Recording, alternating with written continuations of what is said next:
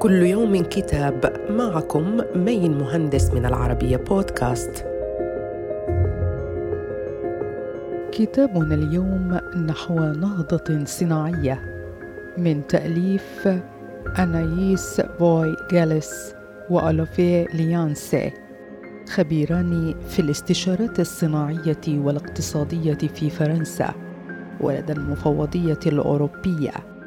يعرض الكتاب لمراحل النهضة الصناعية في أوروبا وللتغيرات الناتجة عن أزمة فيروس كورونا كما يعد الأول من نوعه الذي يبحث في المستقبل الصناعي لفرنسا وأوروبا من خلال التماسك الوطني والسيادة التكنولوجية وإنهاء التبعية الاقتصادية.